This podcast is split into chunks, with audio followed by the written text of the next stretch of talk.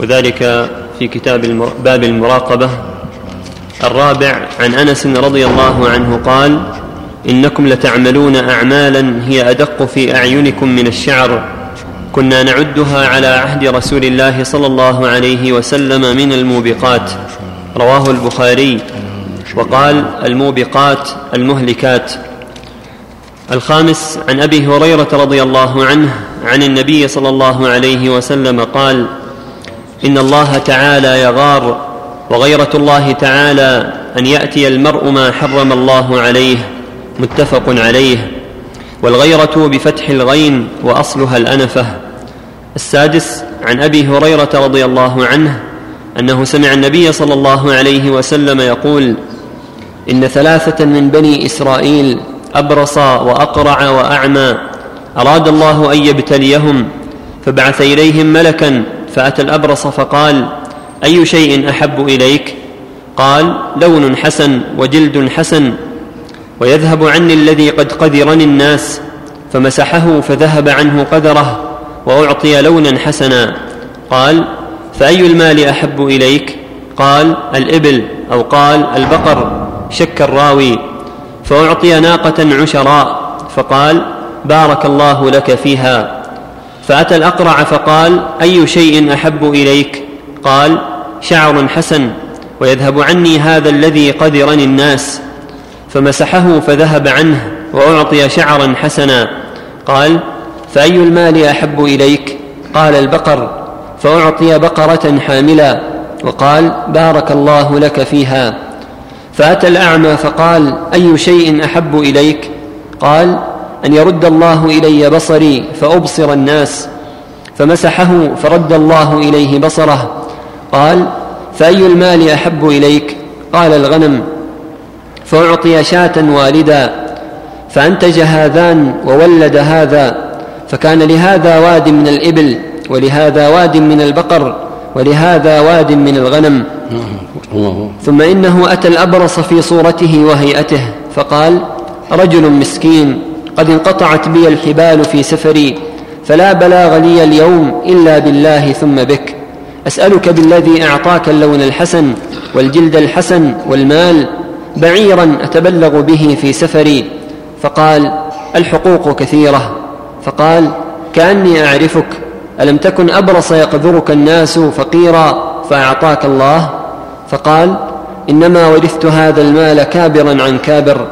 فقال إن كنت كاذبا فصيرك الله إلى ما كنت.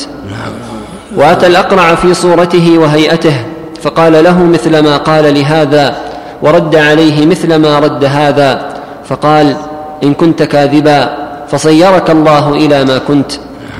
وأتى الأعمى في صورته وهيئته فقال رجل مسكين وابن سبيل انقطعت بي الحبال في سفري فلا بلاغ لي اليوم إلا بالله ثم بك.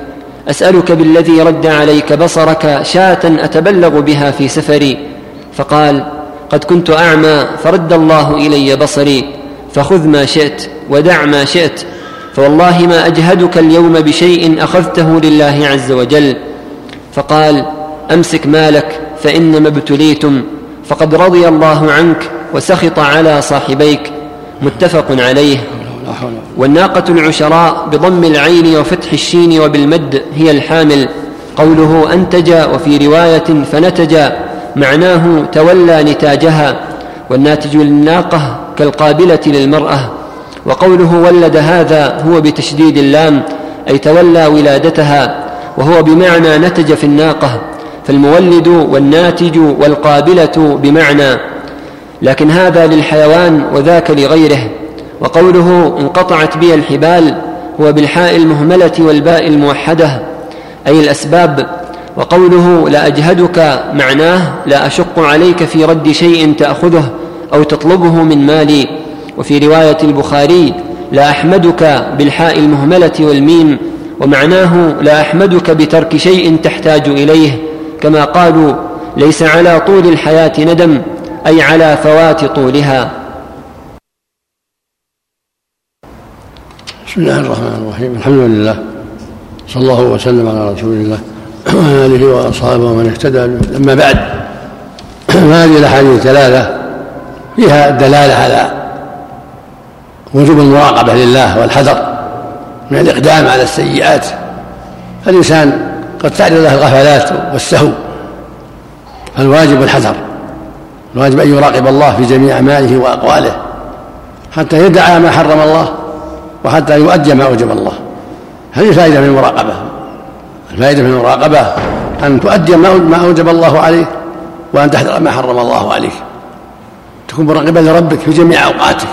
تنظر ماذا يجب فتؤديه تنظر ماذا يحرم عليك فتحذره هذا هذه المراقبة. في حديث أنس يقول رضي الله عنه كنا إن كنا تعملون أعمالا يحاسب بعض التابعين الذين أدرك أدركوه. في أعينك أدق من الشعر. كنا نعدها في عهد النبي من الموبقات يعني من المهلكات. يقول لمن أدركه من التابعين يقول لهم منكم أنكم تساهلون في أشياء تعدونها خفيفة وهي عندنا عظيمة.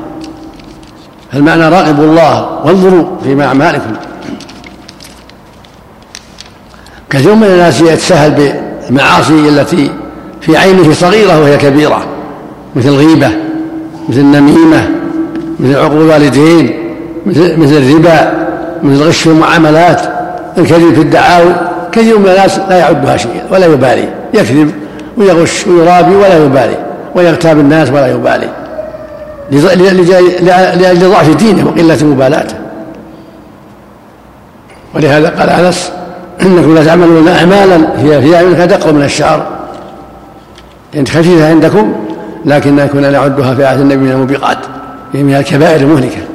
هذا يدل على وجوب المراقبة والحذر وأن ينظر الإنسان ماذا يفعل حتى لا يقدم على معصية تغضب الله عليه. الله سبحانه يغار. ما أحد أغير من الله جل وعلا. وغيرته إذا انتهكت محارمه يغار بمعنى يغضب على من أقدم على محارمه ولهذا في الصحيح صلى الله عليه وسلم ما أحد أغير من الله سبحانه أن يزني عبده أو تزني أمته. فالواجب على المؤمن الحذر من السيئات والحرص على البعد منها والتوبة إلى الله مما سلف. لأنه ربما أقدم على معصية فيغضب الله عليه ويهلك بسبب ذلك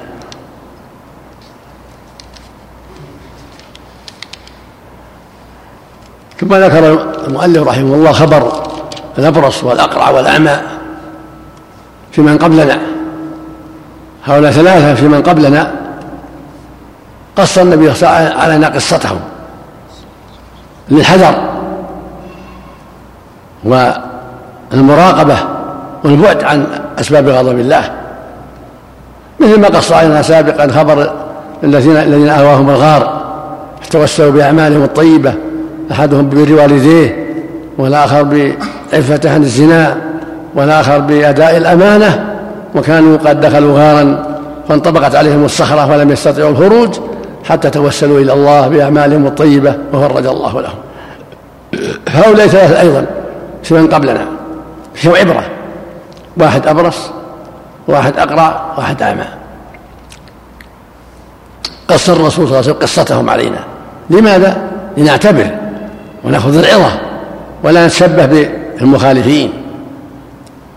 ثلاث في من قبلنا واحد أبرص معروف البرص بياض في الإنسان في جسم الإنسان. معروف. والقرع معروف. عدم وجود شعر في الرأس أقرع ما له, ما له رأس ما نبت له شيء. وأعمى معروف قد ذهب بصره. فجاءهم ملك بأمر الله. اختبار وامتحان ابتلاء ونبلوكم بالشر والخير فتنه ويقول سبحانه أحسب الناس وأن يتركوا أن يقولوا آمنا وهم لا يفتنون. ابتلاهم سبحانه, سبحانه بالسراء والضراء. ابتلاهم بالضراء بالبرص والقرع والعمى ثم ابتلاهم بالنعمة والعافية والماء. جاء الملك إلى الأبرص في صورة إنسان. فقال أي شيء أحب إليك؟ قال أن يدفع عني هذا البرص الذي قد قدر الناس به. هذا أحب شيء لي إن الله يعافيني من البرص. فمسحه الملك وصار في أحسن حالة. ذهب عنه البرص. فقال أي مال أحب إليك؟ قال الإبل. فأعطي ناقة عشراء في بطنها ولد. وقال له الملك بارك الله لك فيها. وفي سورة إنسان. ثم أتى الأعمى فقال أي شيء أحب أتى الأقرع أي شيء أحب إليك؟ قال أن يذهب عني هذا القرع وأن يحصل لي شعر حسن لأن هذا قد غزل الناس به وعابني الناس به فذهب فمسح رأسه فأعطاه الله شعرا حسنا. ثم قال أي مال أحب إليك؟ قال البقر. فأعطي بقرة حاملة. ثم أتى الأعمى فقال أي شيء أحب إليك؟ قال أن يرد الله إلي بصري فأبصر به الناس. هذا أحب شيء إليه. فمسح على عينيه فرد الله عليه بصره بأمر الله. كن فيكون. إنما أمره إذا شيء يقول كن فيكون سبحانه. فقال أي مال أحب إليك؟ قال غنم. فأعطي شاة والدة يعني ولود تنتج. ثم ذهب عنهم ما شاء الله من الزمان.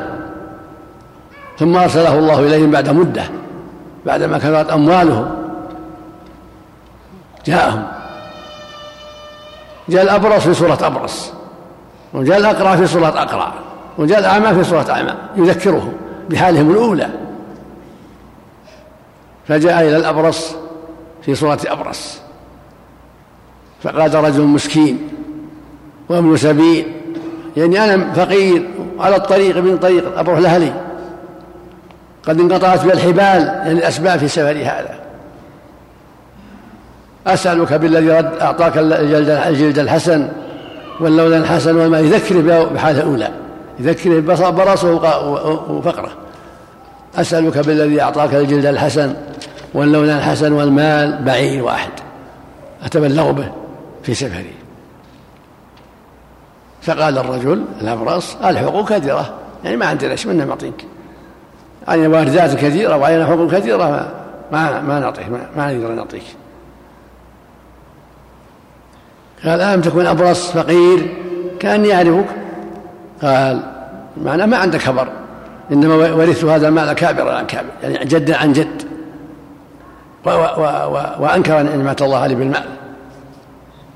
فقال إن كنت كاذب قال له الملك إن كنت كاذبا فصيرك الله إلى ما كنت. والظاهر والله أعلم أنه رجع إلى حاله أجاب الله دعوة الملك. فرجع أبرص فقيرا نسأل الله. ثم أتى الأقرع. في صورته أقرع يذكره. فقال رجل مسكين وابن سبيل انقطعت بي الحبال أسباب في سفري هذا. فلا بلغ لي اليوم إلا بالله ثم بك. أسألك الذي أعطاك أسألك بالذي أعطاك الشعر الحسن وأعطاك المال. بقرة واحدة. أتبلغ بها سفري. فقال مثل الأول الحقوق كثيرة ما عندنا شيء. علينا واردات وعلينا ناس كثير يطلبوننا آه. توكل على الله. الله يغنيك. فقال هل لم تكن أقرأ؟ كان يعرفك. أنت بقرأ سابق. أنت فقير. قال إنما ورثت هذا المال كابر عن كابر. من قبل قال الأبرص قال إن كنت كاذبا فصيرك الله إلى ما كنت. دعا عليه. والظاهر والله أعلم أن الله أجاب دعوة العبرة. ثم أتى الأعمى في صورته كفيف. فقال أنا رجل مسكين. وابن سبيل. انقطعت بالحبال في سفري هذا. بروح لأهلي ما, ما عندي شيء. أسألك بالذي رد عليك بصرك وأعطاك المال شاة واحدة. أتبلغ بها في السفر يعني أبيعها وأتخرج. قال انتبه وفقه الله وفقه الله. الله شرح صدره. قال نعم قد كنت أعمى. فرد الله إلي بصري وفقير فأعطاني الله المال. فخذ ما شئت ودع ما شئت. مو بحده خذ ما تريد. هذا السخاء العظيم. فوالله لا أجهدك في شيء أخذته لله. ما أمنعك ولا أشق عليه. هذا المال بين يديك. خذ ما تشاء أو دع ما تشاء. يقول الأعمال لهذا الملك الذي جاء في صورة فقير أعمى. فقال له الملك أمسك عليك مالك. مالك لك. ما نماكني شيء. وإنما هي ابتلاء من الله لكم أنت ويا الأبرص والأقرع فإنما ابتليتم فقد رضي الله عنك وسخط على صاحبيك. رضي عنه لأنه أقر بالمال وأقر بالنعمة وجاد وتفضل وأحسن. وسخط على صاحبيك لإنكارهم النعمة وبخلهم بالحق. فهذا فيه هذه القصة فيها الحث على الجود والكرم والإحسان وتذكر نعم الله على الإنسان الذي تفضل عليه في بدنه في ماله لا ينسى. يتذكر نعم الله ويصدق على الفقراء والمحاويج. الذي أعطاه هذا المال الذي أعطاه الصحة والعافية يصدق يشكر الله. لا يبخل. فالله عنده الخلف وعنده الأجر. فهذه قصة فيها عبر. الأعمى راقب الله واتقى الله فلم يضره شيء. ما له بجيلة وكل شيء بجيلة. والأبرص والأقرى لم يراقب الله بل كذب وافتريا وجحد الحق فرد الله حالهم إلى حالهم الأولى أبرص أقرع فقير. نسأل الله العافية. هذه عقوبات الذنوب العاجلة غير العاجلة. نسأل الله العافية والسلام. وفق الله الجميع. نعم. قال الإمام النووي رحمه الله تعالى في باب المراقبة السابع عن أبي يعلى شداد بن أوس رضي الله عنه عن النبي صلى الله عليه وسلم قال الكيس من دان نفسه وعمل لما بعد الموت والعاجز من أتبع نفسه هواها وتمنى على الله. رواه الترمذي وقال حديث حسن. قال الترمذي وغيره من العلماء معنى دان نفسه أي حاسبها. الثامن عن أبي هريرة رضي الله عنه قال قال رسول الله صلى الله عليه وسلم من حسن إسلام المرء تركه ما لا يعنيه. حديث حسن رواه الترمذي وغيره. التاسع عن عمر رضي الله عنه عن النبي صلى الله عليه وسلم قال لا يسأل الرجل فيما ضرب امرأته. رواه أبو داود وغيره.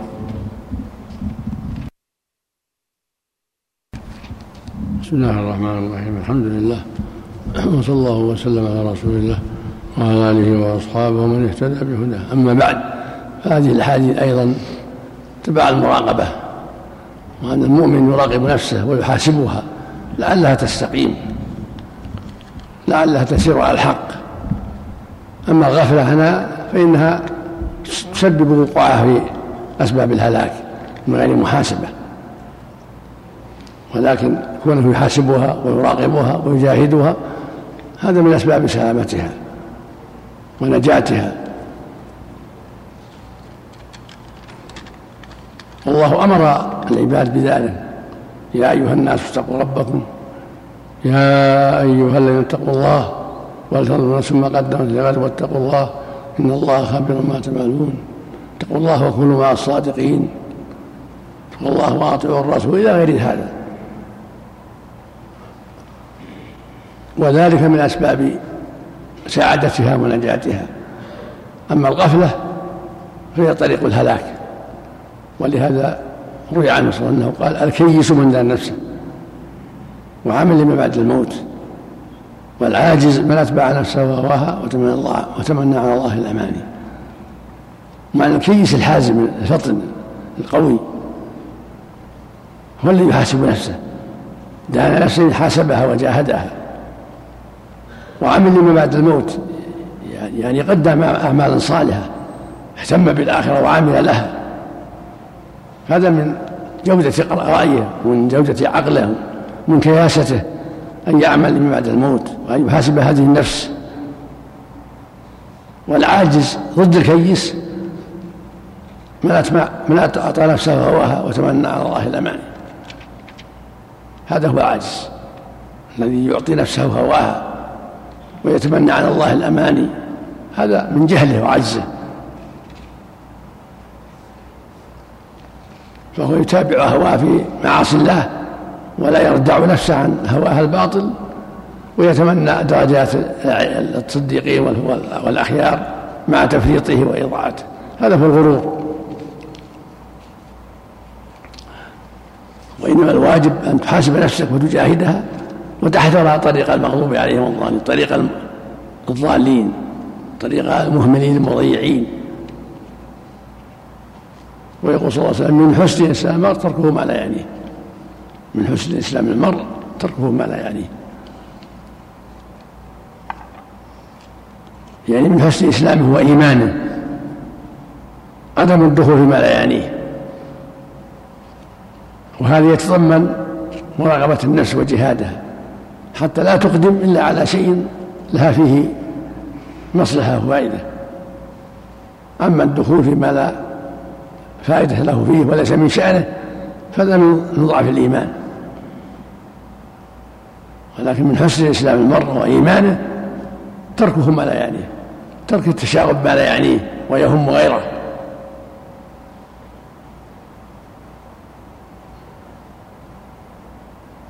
فأنت يا عبد الله لا بد أن تجاهد هذه النفس. لعلها لعلها تنجو لعلها تسلم. لعلها تقف عند الحدود. فهي في الحقيقة أمارة بالسوء إلا من رحم الله.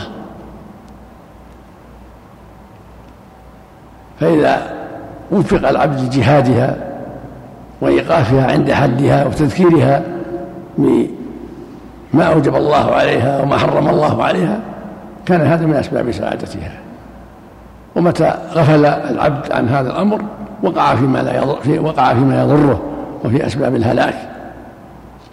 من هذا الحديث؟ النهي عن سؤال الرجل لما ضرب زوجته؟ لأن قد يرضي بها في أمور خاصة لا يحب أن يطلع عليها. فلا ينبغي سؤاله عن ذلك. إما النصيحة لا بأس ينصح. ألا يضربها إلا عن بصيرة إلا عن ذم يوجب ذلك؟ ولكن لا يكون لماذا؟ لأن قد تكون شيء تبع الجماع أو ما أشبه ذلك. الله يقول جل وعلا في كتابه الكريم واللاتي تخافون نزلهن فعظوهن وهجروهن في المضاجع واضربوهن فإن أطعنكم فلا تبغون سبيلا. والنبي في حجة الوداع أوصى بالنساء خيرا. وأجزى في ضربهن ضربا غير مبرح إذا فعلوا ما لا ينبغي. فالمؤمن يتأمل ولا ولا يعجل في الأمور فإن دعت الحاجة والضرورة إلى ضرب فليكن خفيفا غير مبرح يحصل به التأديب. ولا يسأل لما ضربته بل يوصى بالخير والرفق. وفق الله الجميع فقال المؤلف رحمه الله تعالى باب في التقوى. قال الله تعالى يا أيها الذين آمنوا اتقوا الله حق تقاته. وقال تعالى فاتقوا الله ما استطعتم. وهذه الآية مبينة للمراد من الأولى. وقال الله تعالى يا أيها الذين آمنوا اتقوا الله وقولوا قولا سديدا. والآيات في الأمر بالتقوى كثيرة معلومة. وقال تعالى ومن يتق الله يجعل له مخرجا ويرزقه من حيث لا يحتسب وقال تعالى إن تتقوا الله يجعل لكم فرقانا ويكفر عنكم سيئاتكم ويغفر لكم والله ذو الفضل العظيم والآيات في الباب كثيرة معلومة. وأما الأحاديث فالأول عن أبي هريرة رضي الله عنه قال قيل يا رسول الله من أكرم الناس؟ قال أتقاهم. فقالوا ليس عن هذا نسألك. قال فيوسف نبي الله ابن نبي الله ابن نبي الله ابن خليل الله. قالوا ليس عن هذا نسألك. قال فعن معادن العرب تسألوني. خيارهم في الجاهلية خيارهم في الإسلام إذا فقهوا متفق عليه. وفقه بضم القاف على المشهور وحكي كسرها. أي علموا أحكام الشرع. الثاني عن أبي سعيد الخدري رضي الله عنه عن النبي صلى الله عليه وسلم قال إن الدنيا حلوة خضرة وإن الله مستخلفكم فيها فينظر كيف تعملون فاتقوا الدنيا واتقوا النساء فإن أول فتنة بني إسرائيل كانت في النساء. رواه مسلم. الثالث عن ابن مسعود رضي الله عنه أن النبي صلى الله عليه وسلم كان يقول اللهم إني أسألك الهدى والتقى والعفاف والغنى. رواه مسلم. بسم الله الرحمن الرحيم. الحمد لله صلى الله وسلم على رسول الله وعلى آله وأصحابه ومن اهتدى به أما بعد هذه الآيات الكريمات والأحاديث النبوية كلها تعلق بالتقوى. والتقوى هي دين الله وهي الإسلام والهدى.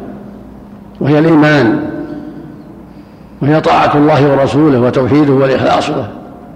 هذه التقوى التقوى الدين كله. إن الدين عند الله الإسلام. والإيمان بضع وسبعون شعبة. ولقد جاءهم من ربهم الهدى ولكن البر من اتقى إن الأبرار لفي نعيم. فالمتقون هم الأبرار وهم المؤمنون. وهم الذين عبدوا الله واستقاموا على دينه وأخلصوا له العبادة وهم المهتدون وهم المسلمون. فالتقوى هي دين الله وهي توحيده وطاعته واتباع شريعته وهي العبادة التي خلق الناس لها. وما خلقت الجن والإنس إلا ليعبدون. ليتقون بطاعة أمره وترك نهيه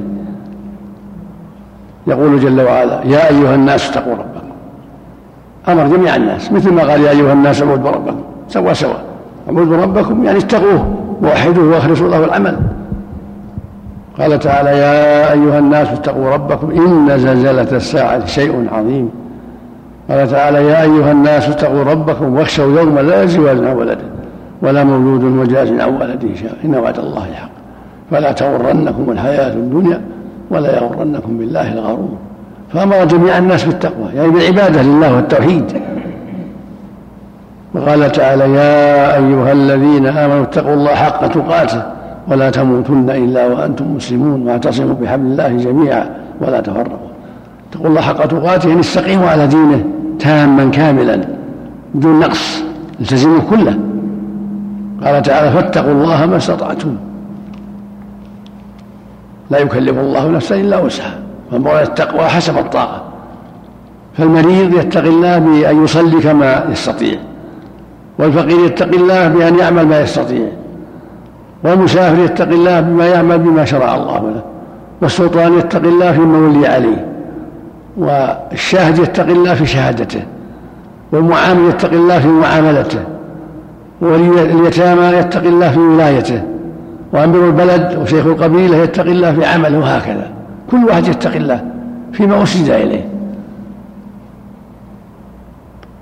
يا أيها الناس وإنا خلقناكم من ذكر وأنثى وجعلناكم شعوبا وقبائل لتعارفوا. ثم قال سبحانه إن أكرمكم عند الله أتقاكم. سواء كان غنيا أو فقيرا قرشيا أو هاشميا أو عربيا أو عجميا أكرم الناس أتقاهم كائنا من كان. ولهذا لما قيل يا رسول الله أي الناس أكرم؟ قال أكرم الناس أتقاهم. يعني أتقاهم لله وأقولهم بحقه. وقال تعالى ومن يتق الله يجعل له مخرجا. ويرزقه من لا يحتسب. ومن يتق الله يجعل له من أمره يسرا. وقال يا أيها الذين آمنوا إن تتقوا الله يجعل لكم فرقانا. يعني نورا وهدى وبصيرة. لأن من التقوى طلب العلم والتفقه في الدين.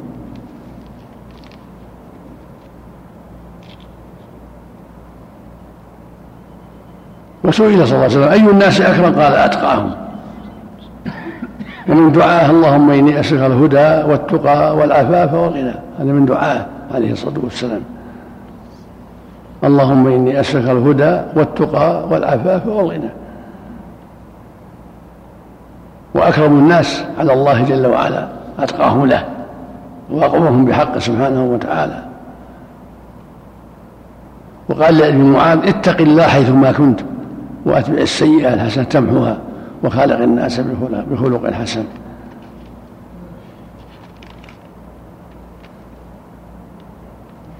وقيل يا رسول الله لما قال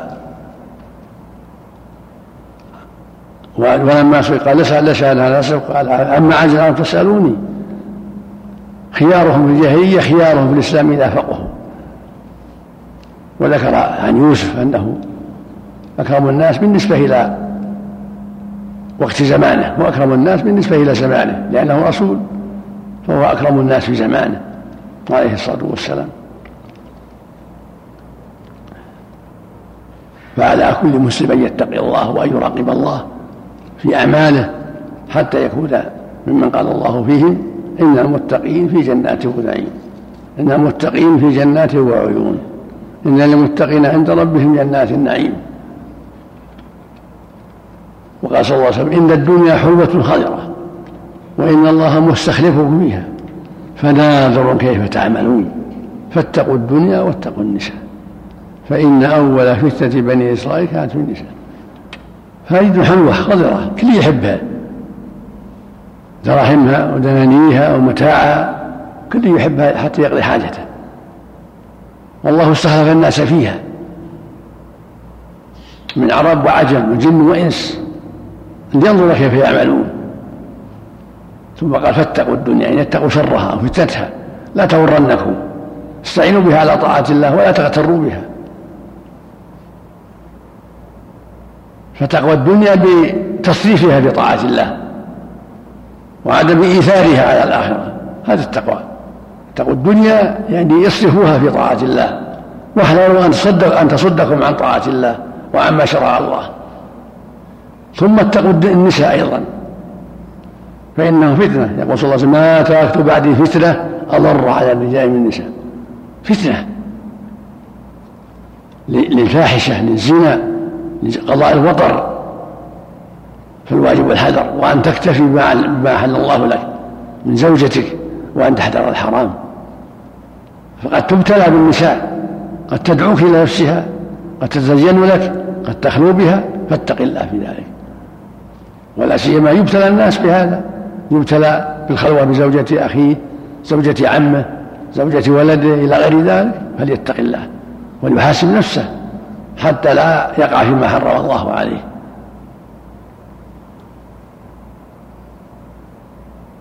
ويروى عن في إسرائيليات أن بني إسرائيل ابتلوا بالنساء فبرز لهم نساء كثير في بعض الغزوات فوقعوا بهن بالفاحشة فمات منهم في يوم واحد بسبب العقوبة سبعون ألف. المقصود أن أن الزنا من من من الجرائم التي قد تعم بها العقوبات. قال النبي صلى الله عليه وسلم دخل يوما على زينب أم المؤمنين عليه الصلاة والسلام. فقال ويل للعرب من شر قد اقترب. فتح اليوم الرجل يجوز وجه هذا وحلق بين أصبعيه. قالت له زوجي يا رسول الله. أنهلك وفينا الصالحون. قال نعم إذا كثر الخبث. إذا كثر الخبث جاء الهلاك والخبث المعاصي والشرور الخبث أعظم الشر الشرك. ومن الخبث الزنا والسرقة واللواط والربا والغيبة والنميمة شرب المسكر كل هذا من الخبث إذا فشى في الناس فهم على خطر من العقوبات العامة. ويقول صلى الله عليه وسلم إن الناس إذا رأوا المنكر فلم يغيروا أوشك أن يعمهم الله بعقابه. فالله يحذرنا من مما أصاب من قبلنا. مما أصاب من قبلنا من الشرور بسبب التساهل والتهاون بأمر الله. ويدعو عليه الصلاة والسلام إلى إلى التقوى وهي الاستقامة على الحق والثبات عليه والحذر مما ينقصه وفق الله الجميع قال الإمام النووي رحمه الله تعالى في رياض الصالحين في باب التقوى الحديث الرابع عن أبي طريف عدي بن حاتم الطائي رضي الله عنه قال سمعت رسول الله صلى الله عليه وسلم يقول من حلف على يمين ثم رأى أتقى لله منها فليأت التقوى رواه مسلم. الخامس عن أبي أمامة صدي بن عجلان الباهلي رضي الله عنه قال سمعت رسول الله صلى الله عليه وسلم يخطب في حجة الوداع فقال اتقوا الله وصلوا خمسكم وصوموا شهركم وأدوا زكاة أموالكم وأطيعوا أمراءكم تدخلوا جنة ربكم. رواه الترمذي في آخر كتاب الصلاة وقال حديث حسن صحيح.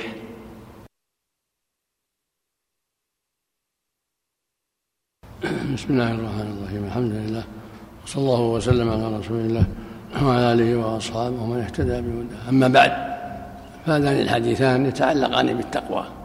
تقدم في هذا آيات كثيرات فيها الحث على التقوى والوصية بها. وحقيقة التقوى هي دين الله هي الإسلام والإيمان والهدى.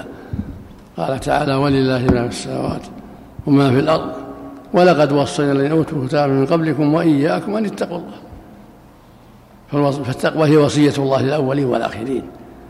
كما قال تعالى يا أيها الناس اتقوا ربكم. يا أيها الذين آمنوا اتقوا الله وقولوا قولا سديدا. يصلح لكم أعمالكم ويغفر لكم ذنوبكم.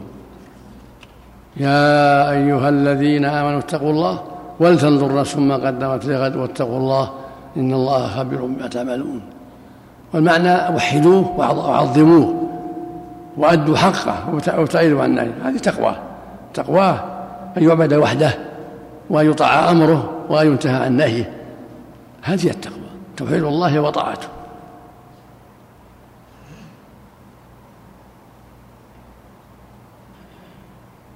ومن الأحاديث قوله صلى الله عليه وسلم من حلف على يمين فرى غيرها أتقى لله منها فليأتي التقوى كان يقول مثلا والله ما أسلم على فلان أو والله ما أزور فلان من من أقاربه أو من أهل الصلاح. ثم يتبين له أنها غلطان أن زيارته السلام عليه حق. يكفر عن يمينه لأن كون يكفر عن يمينه أتقى لله. أو قال والله ما أصل أرحامي أو والله ما أبر والدي. كفى يمينه لأن التقوى في بر الوالدين وصلاة الرحم.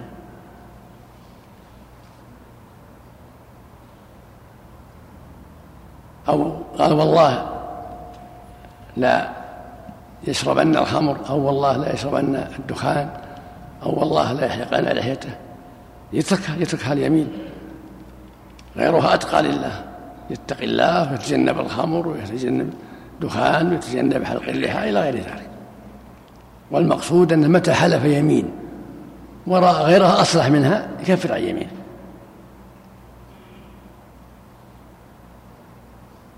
هذا هو المشروع للمؤمن. إذا رأى غيرها أتقى لله تركها تركها وأخذ بالتقوى. وفي الحديث الآخر أنه صلى الله عليه وسلم خطب الناس وقال لهم أيها الناس اتقوا الله اتقوا ربكم. وصلوا خمسكم وصوموا شهركم وأدوا زكاة أموالكم وأطيعوا ذا أمركم تدخلوا جنة ربكم. فالاستقامة على التقوى منها المحافظة على الصلوات الخمس. ومنها أداء الزكاة ومنها صوم رمضان ومنها طاعة ولاة الأمور في المعروف. طاعة ولاة الأمور وعدم شق العصا هذا من التقوى. كما قال تعالى فاتقوا الله ما استطعتم واسمعوا وأطيعوا وأنفقوا خيرا لأنفسكم. وقال النبي صلى الله عليه وسلم أوصيكم بتقوى الله والسمع والطاعة. يعني لولاة الأمور في المعروف لأن شق العصا واختلاف الكلمة من أسباب الفساد في الأرض ومن أسباب اختلال الأمن وقتل الأبرياء وضاع الحق وضياع الحق. لكن السمع والطاعة في المعروف تجمع المسلمين وتمنع المخربين وتعين على الحق.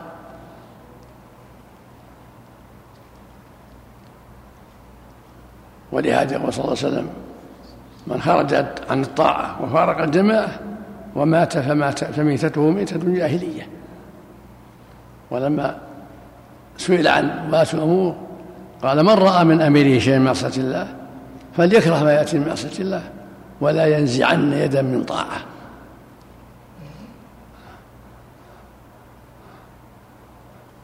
فالمؤمن يتقي ربه في جميع الأحوال. ويؤدي ما أوجب الله عليه من صلاة وصوم وحج وزكاة وغير ذلك.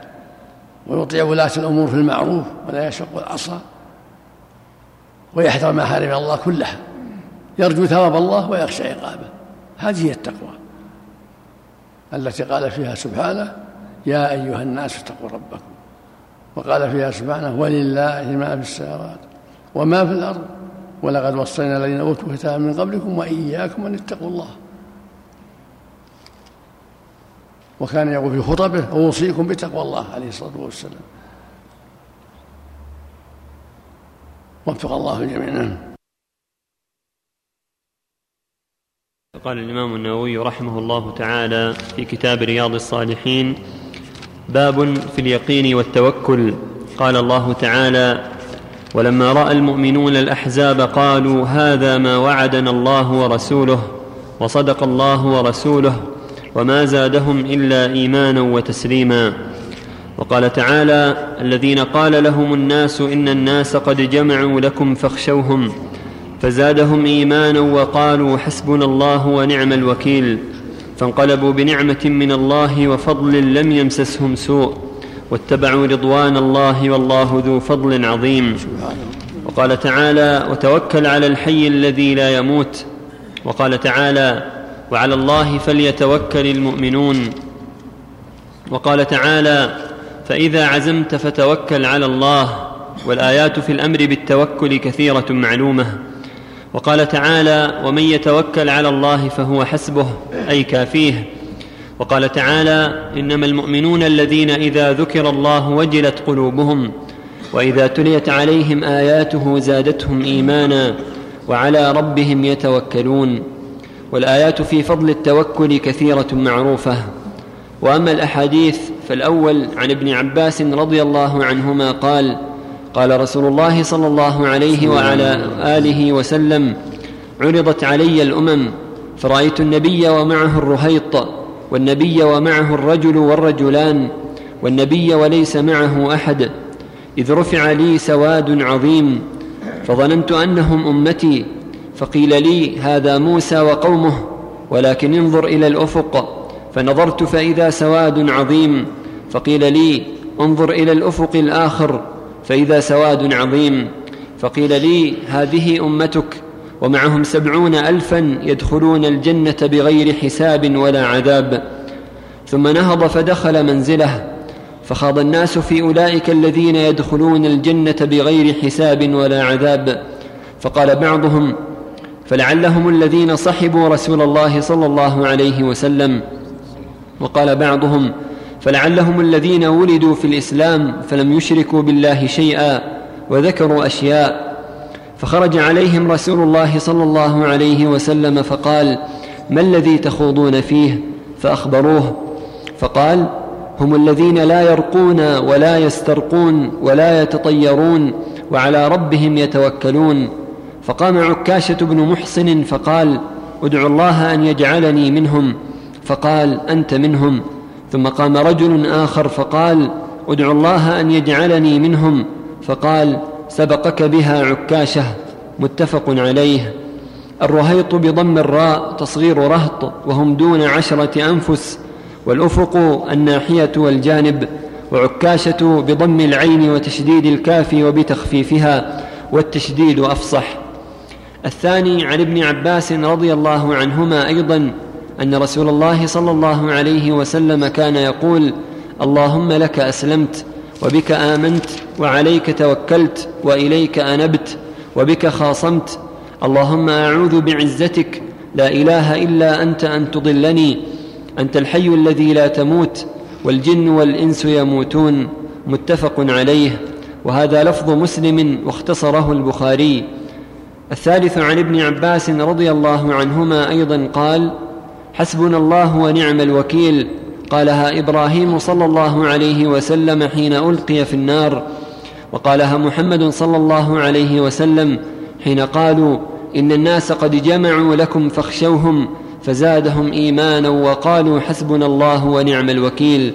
رواه البخاري. وفي رواية له عن ابن عباس رضي الله عنهما قال كان آخر قول إبراهيم صلى الله عليه وسلم حين ألقي في النار حسبي الله ونعم الوكيل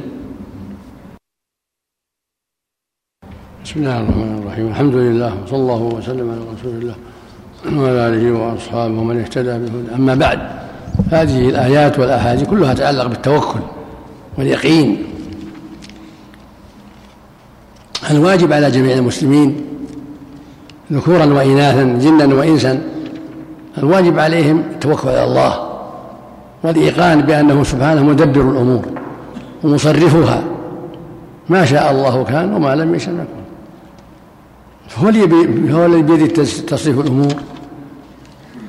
شفاء ومرضا حياه وموتا سفرا وإقامة شدة وعسرا إلى غير ذلك. كله بيده سبحانه وتعالى. هو مصرف العباد ومدبر الأمور. فالواجب على جميع المكلفين التوكل عليه والثقة به والاعتماد عليه مع الأخذ بالأسباب. فالمؤمن يأخذ بالأسباب ويتوكل على الله في كل شيء.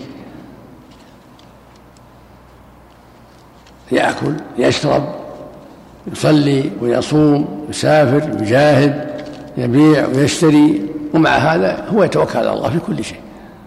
موقن إنه لن يصيبه إلا ما كتب الله له ولا يضره إلا ما كتب الله له فهو يأخذ بالأسباب ويتوكل على الله في كل شيء يعتمد عليه كما قال تعالى وعلى الله فتوكلوا إن كنتم مؤمنين. ومن يتوكل على الله فهو حسبه يعني فهو كافيه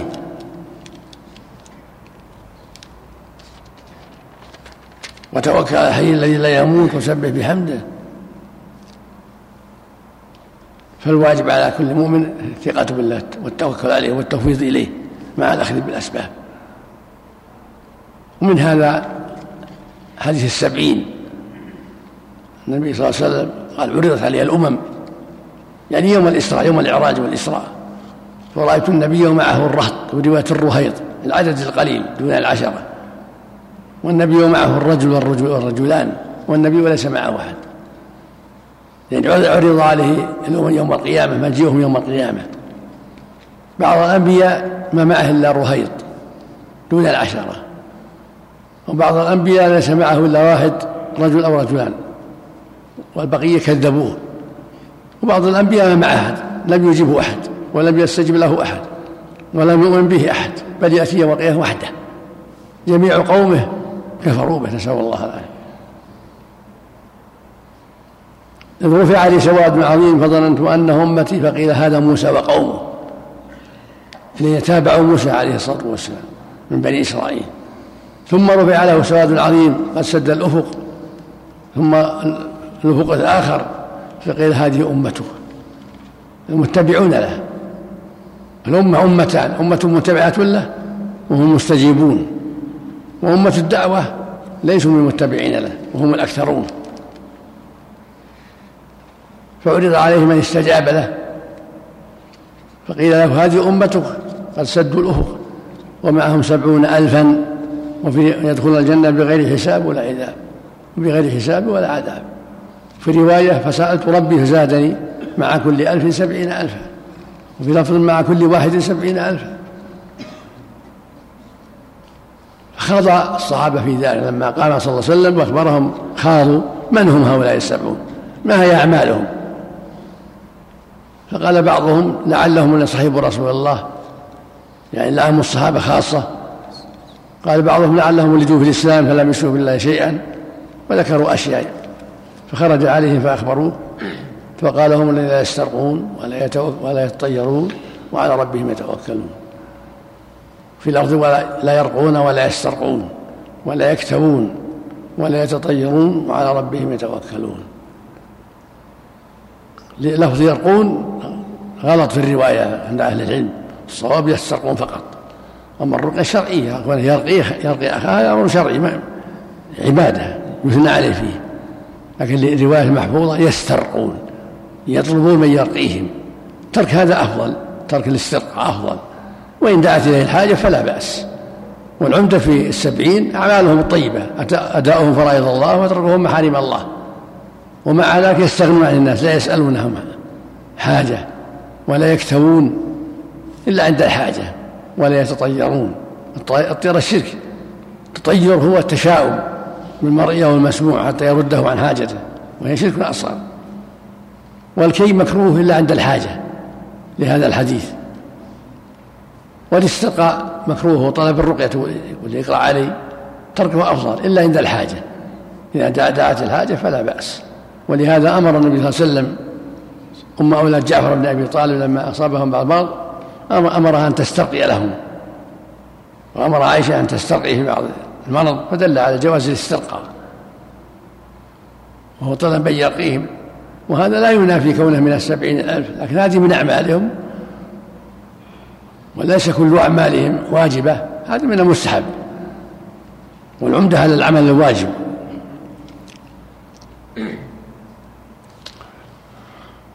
فقام عكا والشاهد قوله على ربهم يتوكلون يعني يعملون الأسباب ويتوكل على الله ويعتمدون عليه سبحانه وتعالى فلا يتطيرون ولا يسترقون ولا يكتبون تركه أفضل كي إذا تيسر دواء آخر ودواء غير الاسترقاء يكون أفضل إذا تيسر. فإن لم يتيسر فقد كوى النبي بعض أصحابه وقد كوى الصحابة من المرض لا بأس عند الحاجة. يقول النبي صلى الله عليه وسلم الشفاء في ثلاث شرطة محجم وشربة عسل وكية من نار وما أحب أن أكتب. إذا دعت له الحاجة فلا بأس لكن هذه أفضلية. أفضلية تركها أفضل إلا عند الحاجة. ومن من من توجهاته صلى الله عليه وسلم يقول اللهم لك اللهم لك أسلمت وبك آمنت وعليك توكلت وإليك أنبت وبك خصمت فاغفر لي ما قدمت إلى آخره. وإني أعوذ بعزتك أن تضل لا إله إلا أنت. فمن توجه النبي صلى الله عليه وسلم إلى ربه يقول عليك توكلت. ومما جاء في هذا قول إبراهيم لما وقع في النار قال حسبنا الله ونعم الوكيل. وقالها محمد صلى الله عليه وسلم حين قيل له إن الناس قد جمعوا لكم بعد أحد قال حسبنا الله ونعم الوكيل. يعني كافينا الله حسبنا يعني كافينا الله ونعم الوكيل الله سبحانه وتعالى. فهذا هو السنة. عند عظائم الأمور حسبنا الله ونعم الوكيل مع الأخذ بالأسباب. فالإنسان يقول حسبنا الله ونعم الوكيل ويأخذ بالأسباب. يعني يطلب حقه بالبينة الشرعية يدافع عن نفسه يخاصم إذا دعت الحاجة إلى ذلك. يتخذ الحرس إذا دعت الحاجة إلى ذلك مع قول حسبنا الله الوكيل مع مع الأدوية الأخرى. فهو يقول ما شرعه الله ويعمل بالأسباب الشرعية أيضا. فالمؤمن يقول على الله توكلنا حسبنا الله والوكيل ومع هذا يأخذ العدة في الجهاد السلاح والقوة في الجهاد.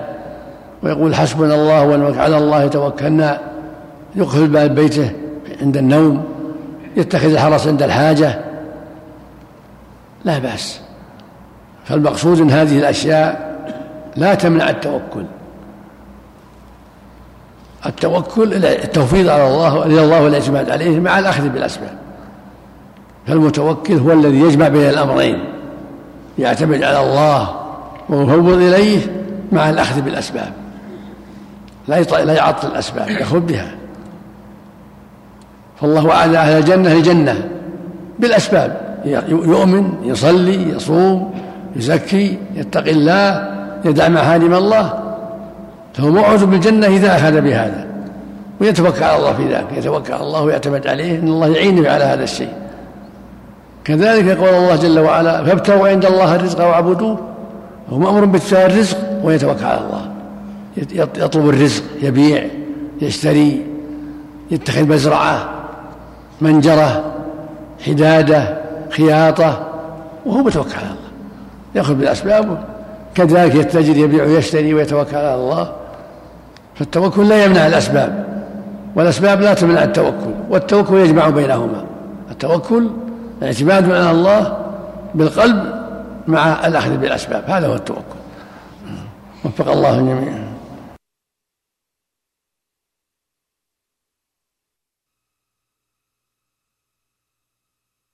فقال المؤلف رحمه الله تعالى في باب اليقين والتوكل الحديث الرابع عن أبي هريرة رضي الله عنه عن النبي صلى الله عليه وسلم قال يدخل الجنة أقوام أفئدتهم مثل أفئدة الطير رواه مسلم.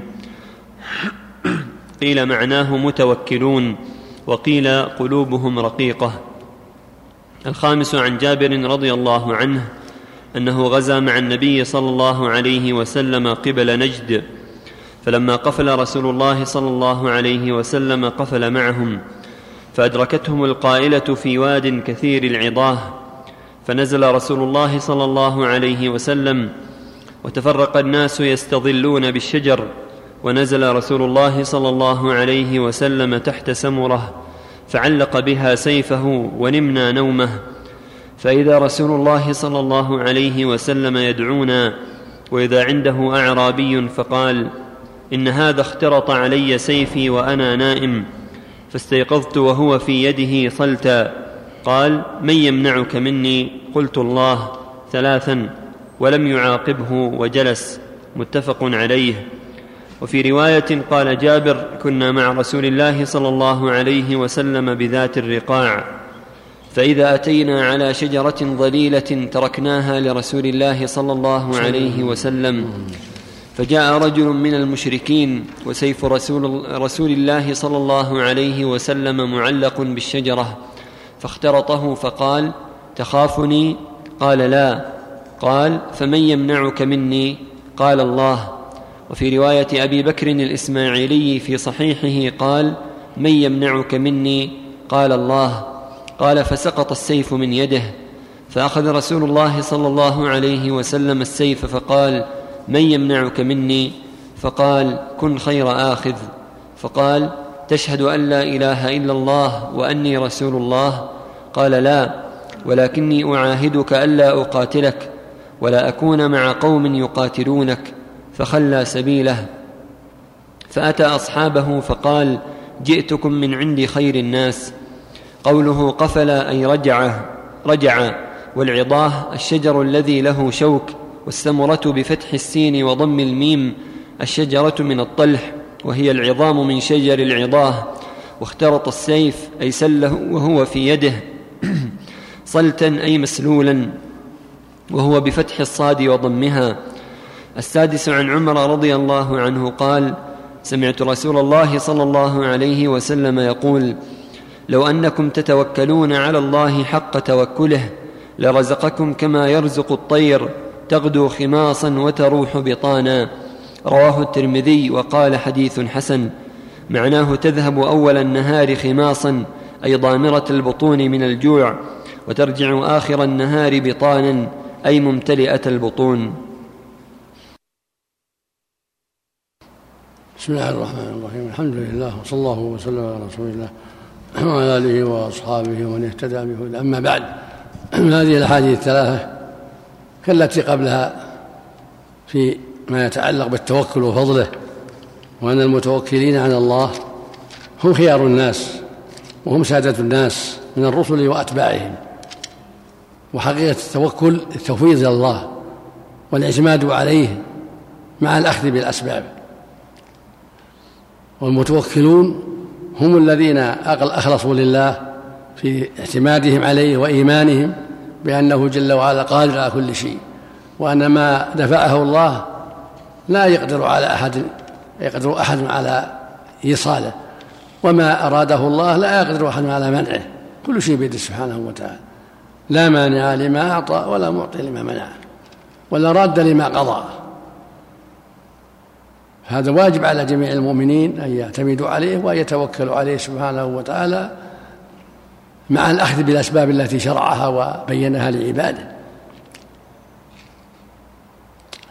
ولهذا قال عز وجل إنما المؤمنون الذين إذا ذكر الله وجلت قلوبهم وإذا تليت عليهم آياته زادتهم إيمانا وعلى ربهم يتوكلون. ويقول سبحانه من يتوكل على الله فهو حسبه. يعني كافيه.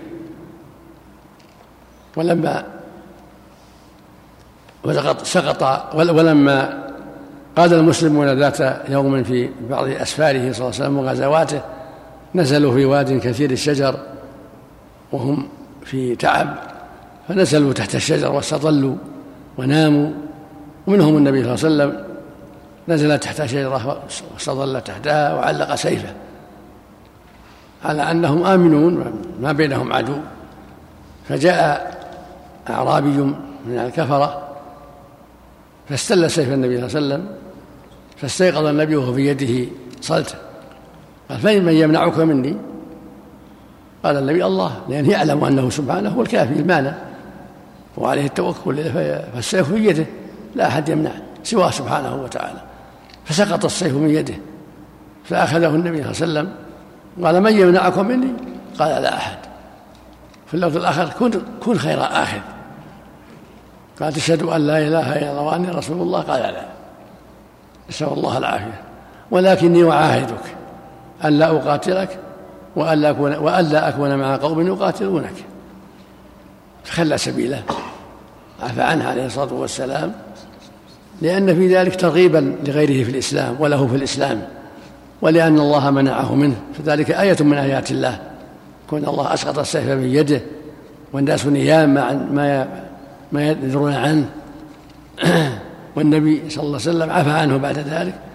كل هذا من آيات الله ومن أسباب الدخول في دين الله. ومن أسباب نشر الإسلام ونشر كرامات النبي ومعجزاته عليه الصلاة والسلام. فذهب إلى قومه يدعوهم مع أنه لم يؤمن.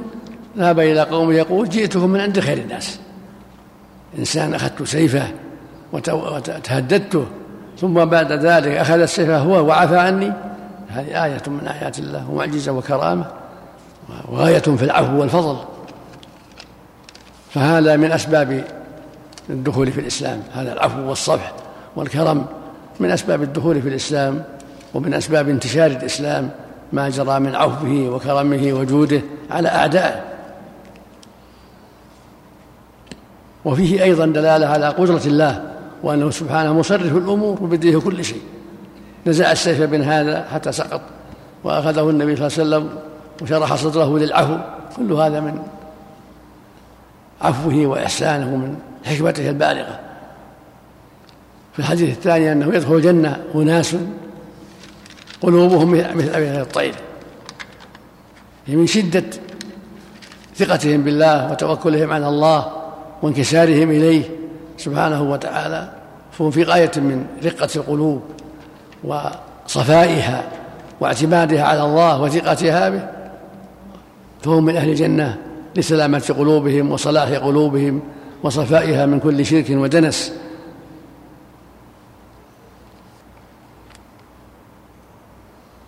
الحديث الثالث إيش؟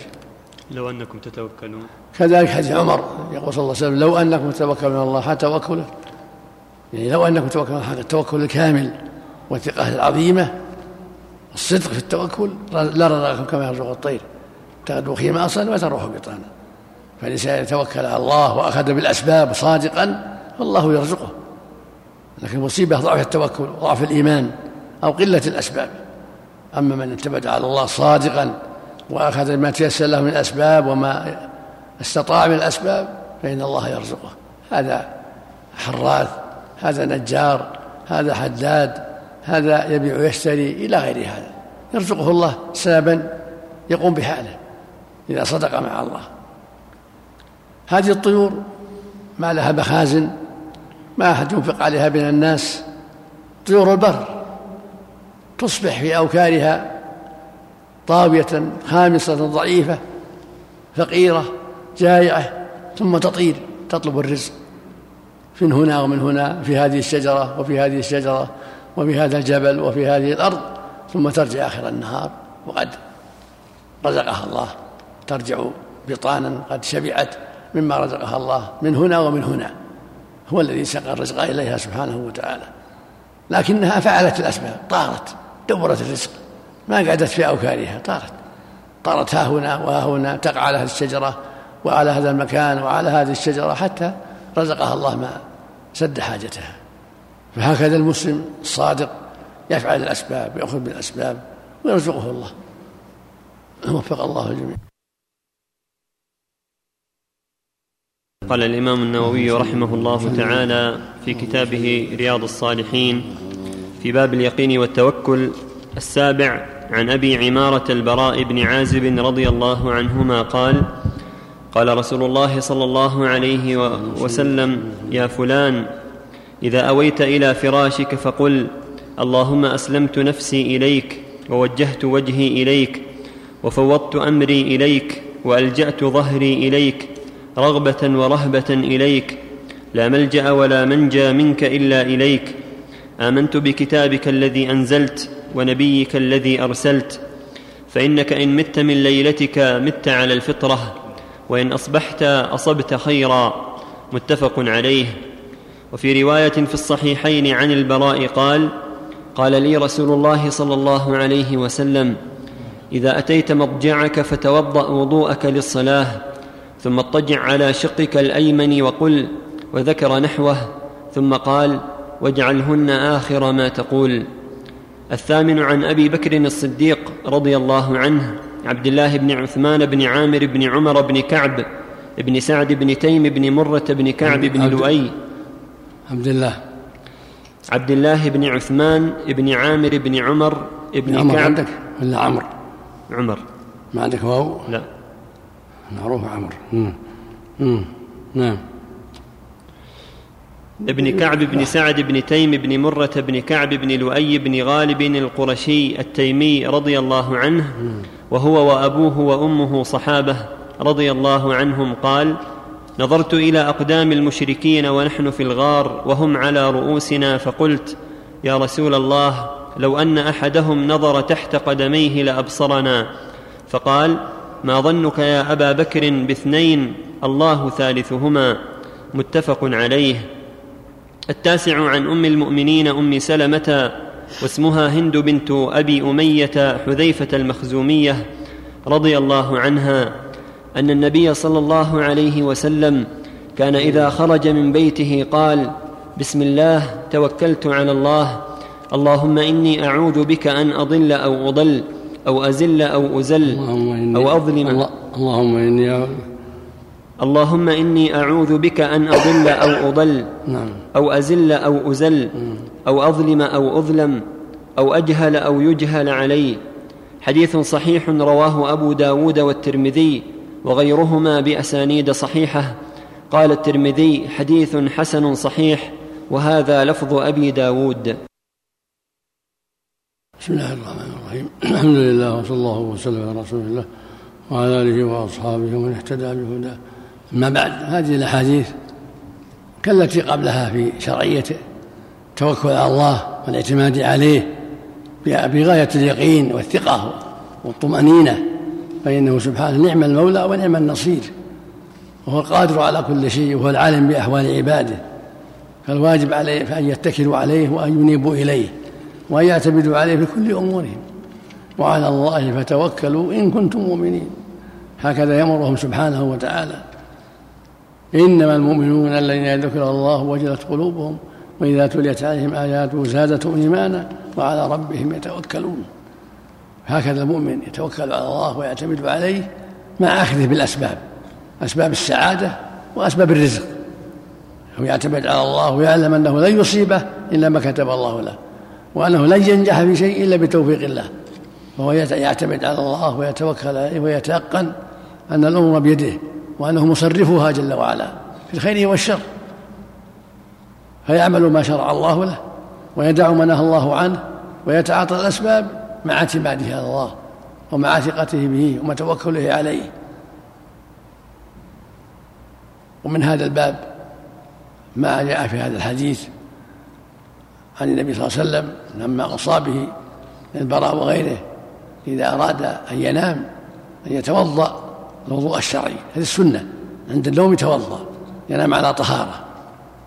ثم يقول اللهم أسلمت نفسي إليك وفوضت أمري إليك ووجهت وجهي إليك وألجأت ظهري إليك لا ملجأ ولا منجأ منك إلا إليك. آمنت بكتابك الذي أنزلت ونبيك الذي أرسلت. هذا معناه الاعتماد على الله في كل شيء. قال واجعلهن آخر ما تقول. يعني يختم بها أورد أوراده قبل أن ينام. وهو متوضي. هذا هو الأفضل. اللهم أسلمت نفسي إليك وفوضت أمري إليه ووجهت وجهي إليك وألجأت ظهري إليك. رغبة ورهبة إليك. لا ملجأ ولا منجا منك إلا إليك. آمنت بكتابك الذي أنزلت ونبيك الذي أرسلت. هذه غاية في التوكل على الله. والإقرار بأنه هو الملجأ وهو الذي إليه المنتهى ومصرف الأمور سبحانه وتعالى. لا ملجأ منه إلا إليه. فالمؤمن يقول هذا بلسانه ويصدقه بقلبه يكون في قلبه معتمدا على الله جل وعلا واثقا به وهكذا بكلامه وأفعاله. يعلم أنه سبحانه مصرف الأمور وأنه قاضي الحاجات وأنه على كل شيء قدير فيلجأ إليه في كل أموره مع فعل الأسباب والأخذ بالأسباب. هكذا المؤمن ابدا دائما. الحديث الثاني. الحديث الثاني. بسم الله توكلت على الله. كذلك إذا خرج من المنزل المؤمن إذا خرج من المنزل حديث أم سلمة. يقول بسم الله توكلت على الله ولا حول ولا قوة إلا بالله. اللهم إني أعوذ بك أن أضل أو أضل أو أزل أو أزل أو أظلم أو أظلم أو أجهل أو أجهل. عليه يستحب له عند خروج منزله للصلاة وغيرها. بسم الله توكلت على الله ولا حول ولا قوة إلا بالله. اللهم إني أعوذ بك أن أضل أو أضل أو أزل أو أزل أو أظلم أو أظلم أو أجهل أو أجهل عليه الاعتماد على الله والتوكل إليه. وسؤال الله أن يكفيه شر نفسه وشر غيره. هذا معناه التوكل والاعتماد على الله جل وعلا. بسم الله توكلت على الله ولا حول ولا قوة إلا بالله. هكذا في رواية ذكر لا حول ولا قوة إلا بالله. نعم هذه الأخيرة. نظرت إلى أقدام المشركين. نعم. حديث أبي بكر نظرت إلى كذلك حديث أبي بكر. الصديق رضي الله عنه. أنه إيش عندك؟ نظرت إلى أقدام المشركين ونحن كذلك قصة هجرة النبي صلى الله عليه وسلم لما هاجر إلى المدينة. وكان صلى الله عليه وسلم معه الصديق وعامر بن بخيرة مولى الصديق ودليلهم عبد الله بن ريقد الديلي. فلما خرج النبي والصديق التجأ إلى غار ثور فجاء طلب المشركين حول الجبل ولا يرونهم أخذ الله بأبصارهم. فقال الصديق لو أن أحدهم نظر إلى قدميه لأبصرنا فقال النبي صلى الله عليه وسلم يا أبا بكر ما ظنك باثنين؟ الله ثالثهما. يدل على الثقة بالله والاعتماد عليه وأنه سبحانه هو الذي حفظهما. ولهذا قال صلى الله عليه وسلم ما ظنك باثنين؟ الله ثالثهما. ثم جاء في القرآن الكريم قال له لا تحزن إن الله معنا. قال الصديق قال الصديق لا تحزن إن الله معنا. إذ هما في الغار يقول لصاحبه لا تحزن إن الله معنا. فأنزل الله سكينته عليه وأيده من لم تروها فالله الذي يحمي عباده وهو وليهم من كيد أعدائهم. فأنت عليك الأخذ بالأسباب عليك الأخذ بالأسباب والتوكل على الله وأبشر بالخير إذا صدقت. إذا صدقت فالله جل وعلا يغلب ولا يغلب وهو القاهر فوق عباده وهو الحكيم العليم وهو القادر على كل شيء سبحانه وتعالى. ولكن يؤتى العبد من جهة تقصيره وتفريطه وإضاعته وتساهله. ولا حول ولا قوة إلا بالله. نعم.